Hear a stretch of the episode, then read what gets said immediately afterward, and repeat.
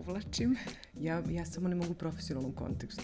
Mislim, volim naravno i pričam niški sa svima u porodici, ali da o poslu pričam, nema šanse. Pa ja ga ubacujem svuda. To je, to je moje, to je Tako treba, to je deo autentično. Pa jeste, jeste. Ćao Iva, kako si danas?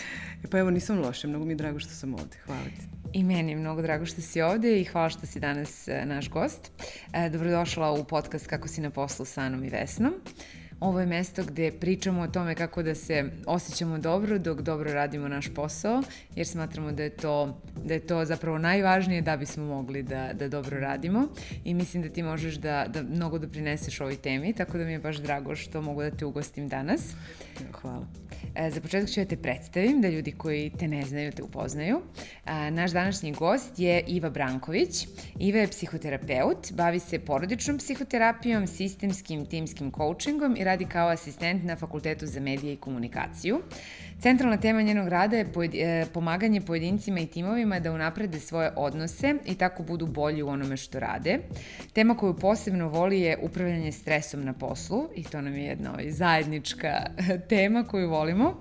A, a takođe autorka je preventivnih programa o tome kako prevazići stres i sprečiti profesionalno sagorevanje.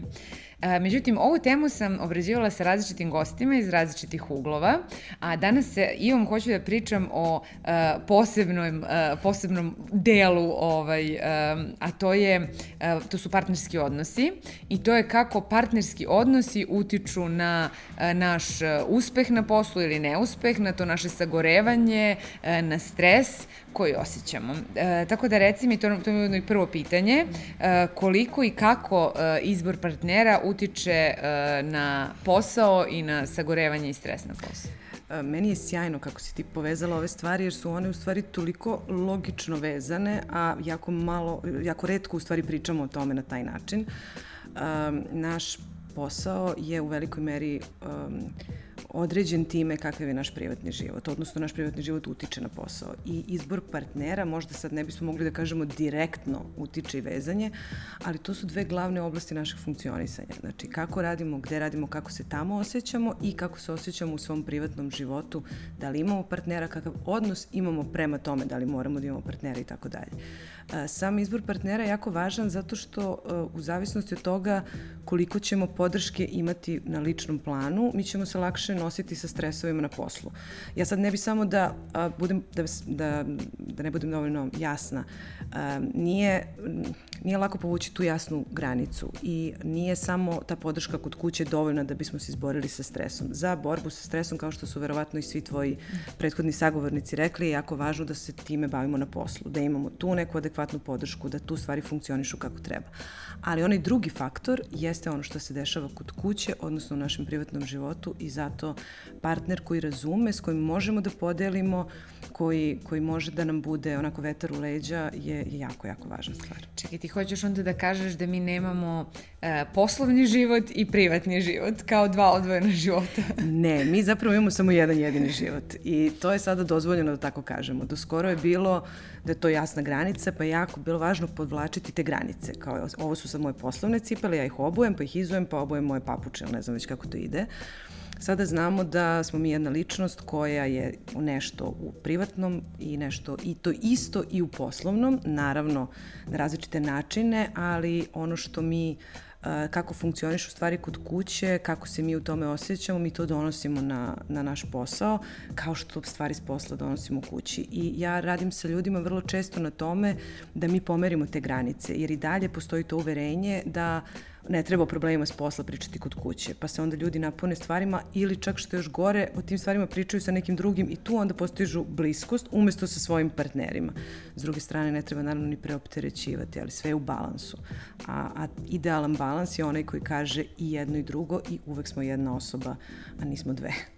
Da, to je, to je dobro, dobro znati i sa takvim, zato što često ono neke stvari, način na koji, ne znam, komuniciramo kod kuće, način na koji ono imamo neke navike, mi to provlačimo i na poslu i nije dok ne krenemo da radimo na sebi da, da uvidimo naravno. Koliko je to se to sve... Mi ćemo vrlo često da prenesemo neke obrazce komunikacije i funkcionisanja koje znamo iz naših, ne znam, porodica porekla u naše organizacione kontekste. O tome se isto malo priča, a to je nešto što kad pogledate je vrlo logično, zato što prva organizacija u kojoj smo mi funkcionisali je bila porodica mm -hmm. i onda dolazimo u neku firmu, neki ovaj, taj poslovni setting i naravno da će naš odnos prema autoritetu i prema šefu da bude vrlo sličan kao odnos prema roditelju koji je bio autoritet. Naravno da ćemo sa kolegama u timu da budemo kao sa siblinsima, odnosno mm. sa braćom ili sestrama. I, I naravno da ćemo se bliskim ljudima uh, odigravati vrlo slične stvari kao što ih odigravamo u partnerskom odnosu, tako da Da, vrlo je to zanimljivo za, za analizu i možda deluje komplikovano, ali u stvari važno da o tome mislimo jer nam to olakšava to što neš, nekad deluje kao jako složeno funkcionisanje. Mm. Da, i tek kad osvestimo i kad razumemo možemo da menjamo. Naravno, tek onda kad, kad primetimo stvari, kad dozvolimo da su takve, kad ih prihvatimo, onda otvaramo prostor za promenu. Mm -hmm.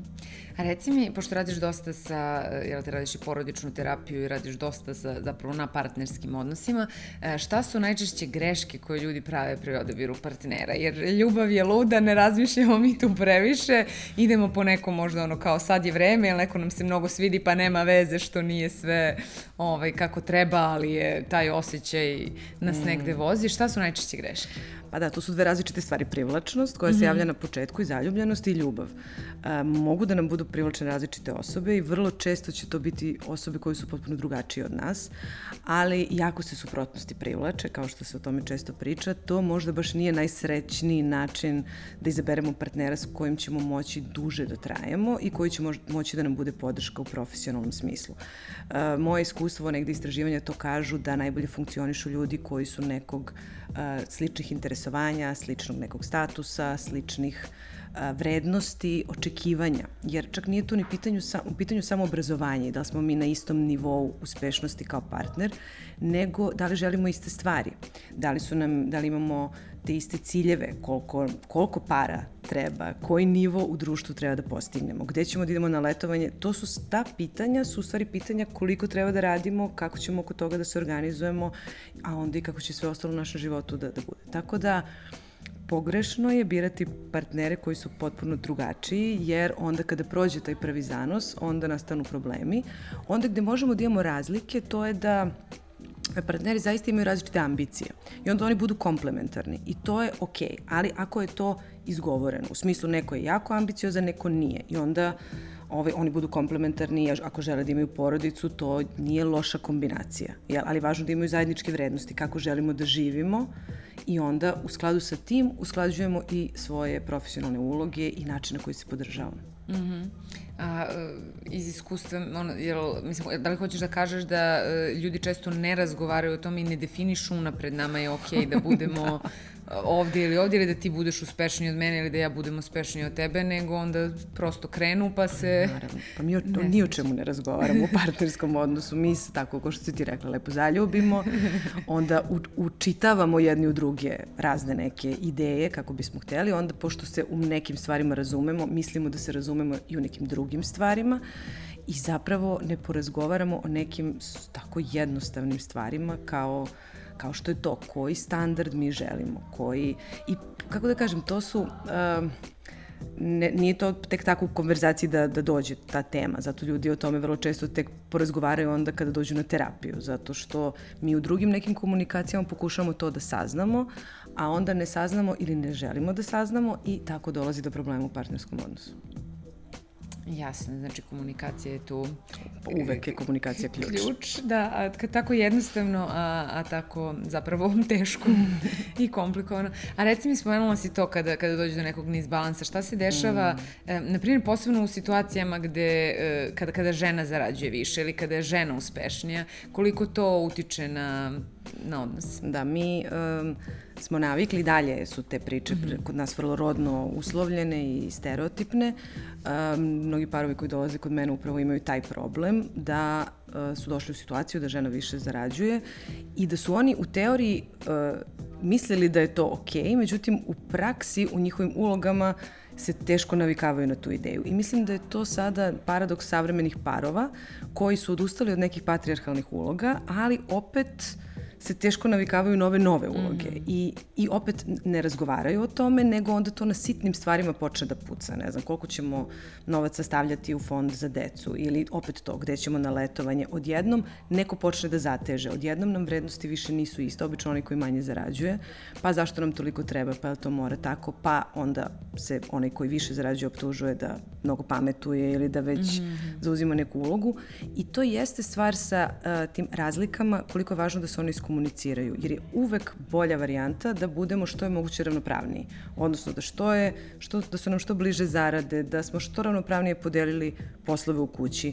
Jer kod te komplementarne podele, koliko god da ona može da funkcioniše, može da dođe do toga da neko pomisli da zaista malo više vredi zato što više zarađuje ili da se neko mm. osjeća loše zato što to nije tako.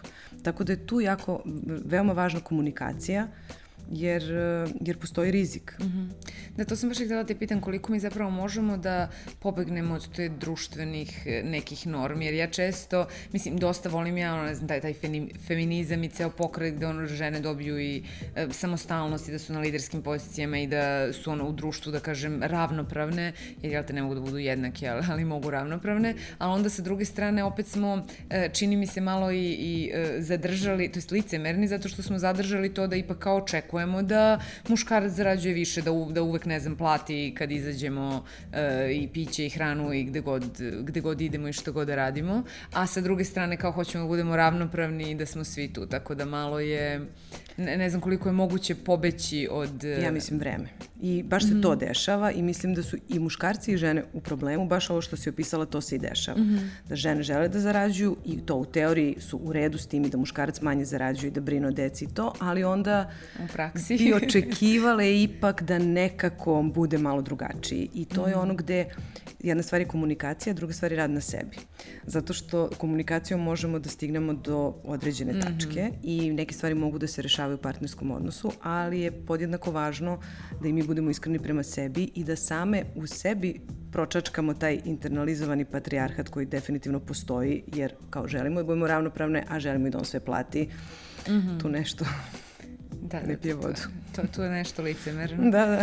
Um, a reci mi kako je uh, iz tvog iskustva što se tiče podele posla, jer tu pogotovo kad dođe dete i sve mislim i dalje je sve da kažem više na ženi uh, i koliko su problemi zbog toga uh, učestvali, koliko ženina karijera trpi zbog toga što u nekom trenutku ovaj, mora da, da se, mislim, mora prosto, u većini slučajeva se ona više da. posveti odgajanju dece. Ja uh, sam pomagač i družim se sa ljudima koji su iz oblasti koji su osvešćeni. Ja znam samo jednog muškarca koji je iskoristio pravo da koristi deo onog, e, ne znam kako se to zove, odsustvo za negu mm -hmm. deteta ili kako se to već ide, što mi imamo kao opciju mm -hmm. jel, u Da, to su propisima. sve to zove parental leave, a kod nas se to zove maternity leave, kao samo, Tako, samo, samo za majku, zove odsustvo, da, da, da ne bi bilo da muškarac koristi ovaj porodinsko ili da. tako nešto, ali žena mora porodinsko, ali mislim da to odsustvo zbog nege može da se podeli Aha. na, na dva dela. Uh, I to je recimo sjajan institut. Mi, znači, čak u našim propisima imamo neku podršku za, mm. za žene, to se menja. Opet teorijski.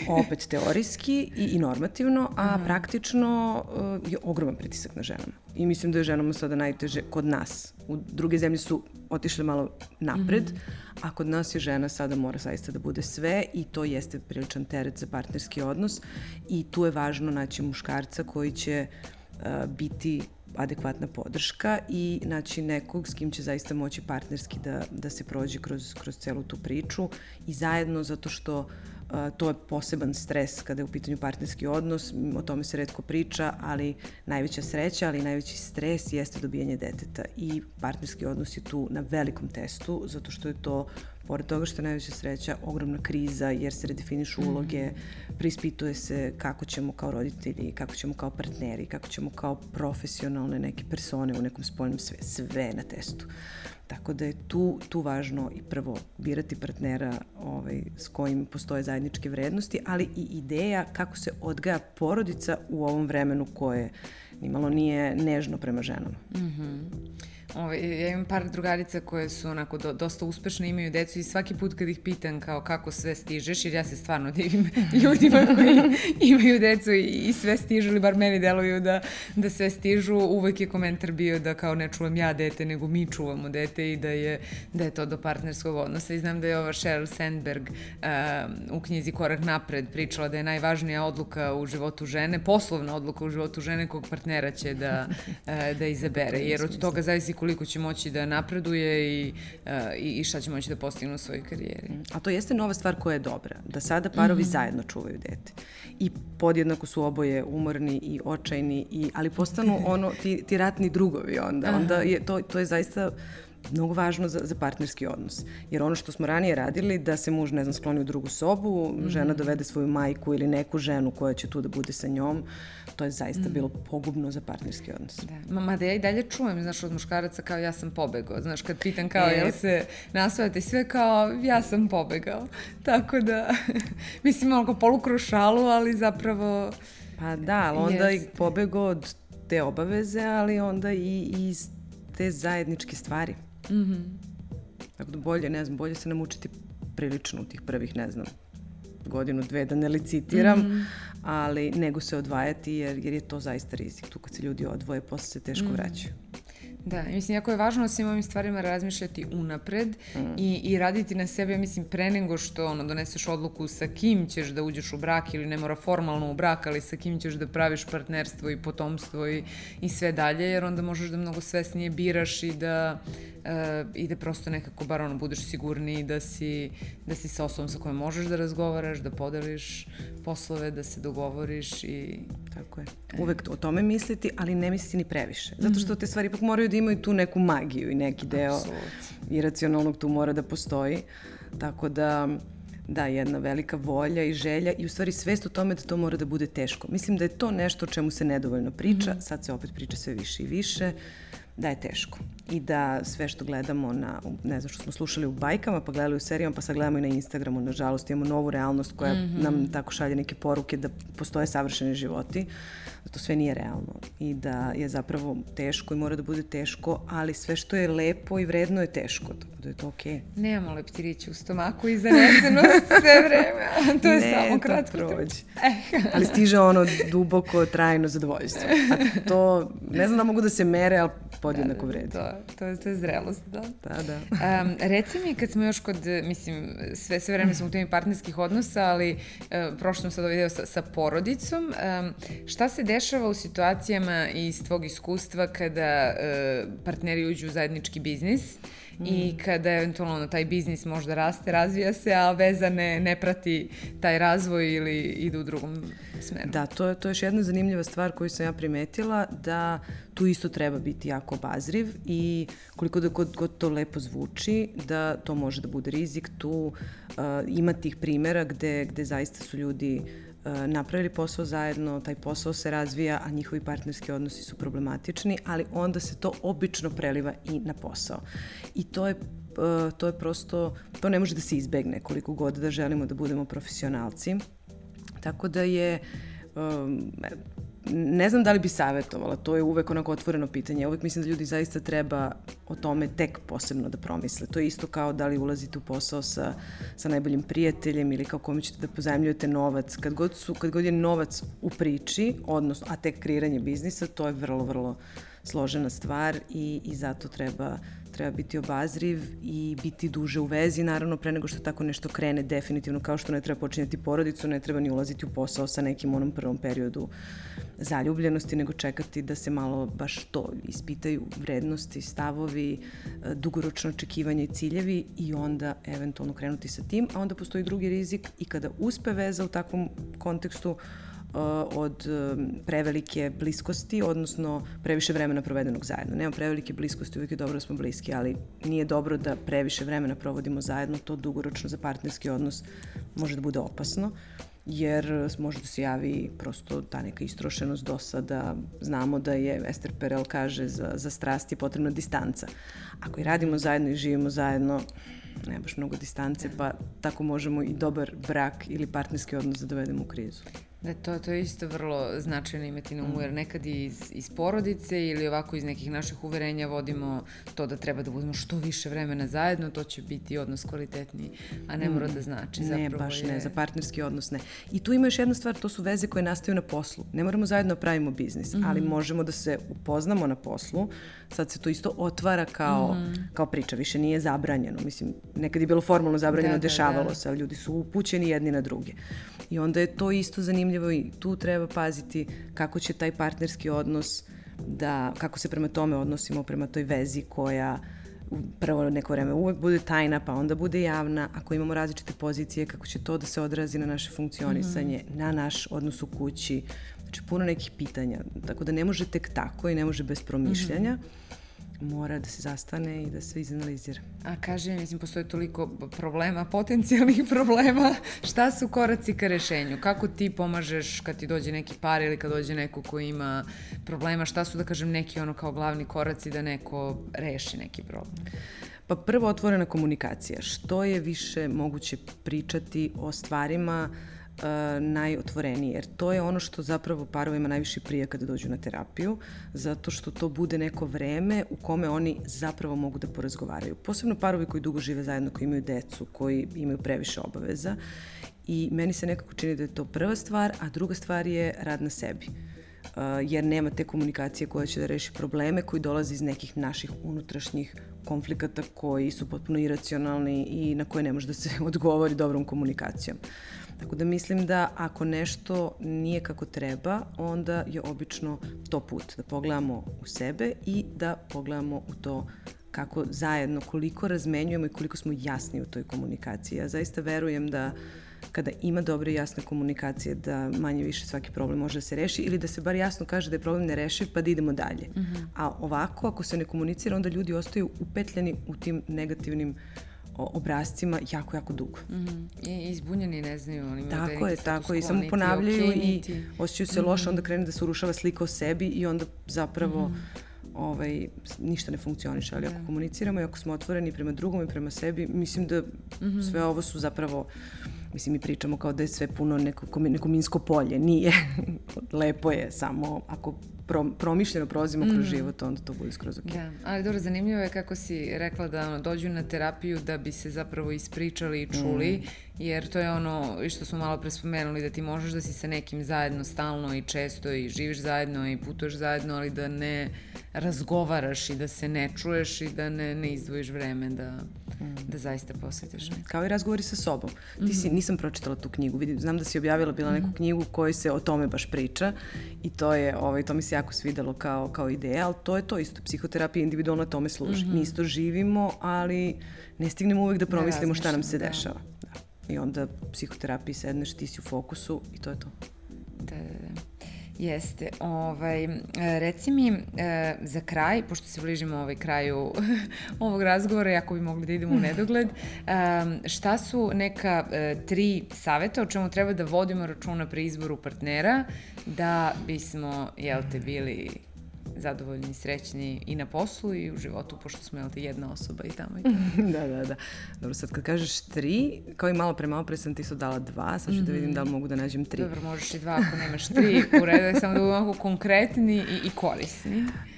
Um, kako tražimo partnera? Tako što se trudimo da razumemo koliko smo zaista slični u smislu uh, uverenja, vrednosti, ideja i nekih dugoročnih ciljeva.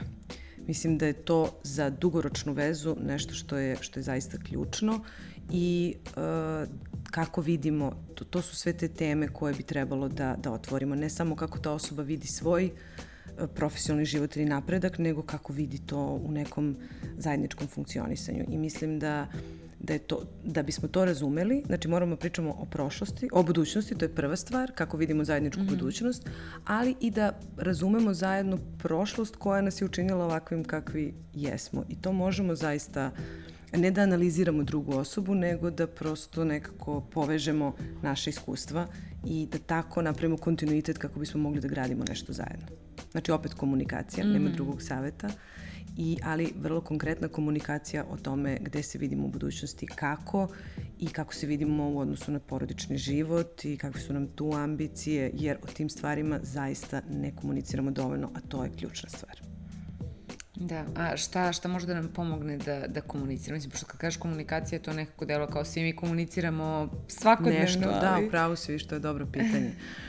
Um, pa možda da postavimo ta neka pitanja koja ne deluju kao uobičajena pitanja, ali kao gde ćemo da budemo za pet godina ili zapravo da pitamo, da pitamo drugu osobu, jer mi mislimo da komuniciramo, ali mi vrlo čitamo iz ponašanja, iz uh, nekih naših pretpostavki, pa ima čitanje misli kad se mnogo zaljubimo i kad se mm. mnogo volimo, onda mislimo da mislimo istu stvar, a ne mislimo uopšte istu stvar, ima potpuno različitu. Možda da pitamo to, šta će biti, kako mi planiramo da čuvamo, kako ti misliš da bi mi mogli da čuvamo ovo dete kad se bude rodilo, ko će uzeti, znači prosto vrlo, vrlo konkretne stvari. Ili da maštamo zajedno. Šta bi bilo, šta bi bilo ako bi dobio na, na lutri, šta mm. bi bilo ako bi dobio, ne znam, povišicu, ako bi ti rekli da se seliš na Novi Zeland, jel bi se selio i zbog čega? Mm -hmm. To su sve pitanja koja govore o tome šta smo spremni da uložimo, koliko smo spremni da rizikujemo, e, koliko nam je materijalno važno, šta, šta je ono što, što nas vodi kroz život.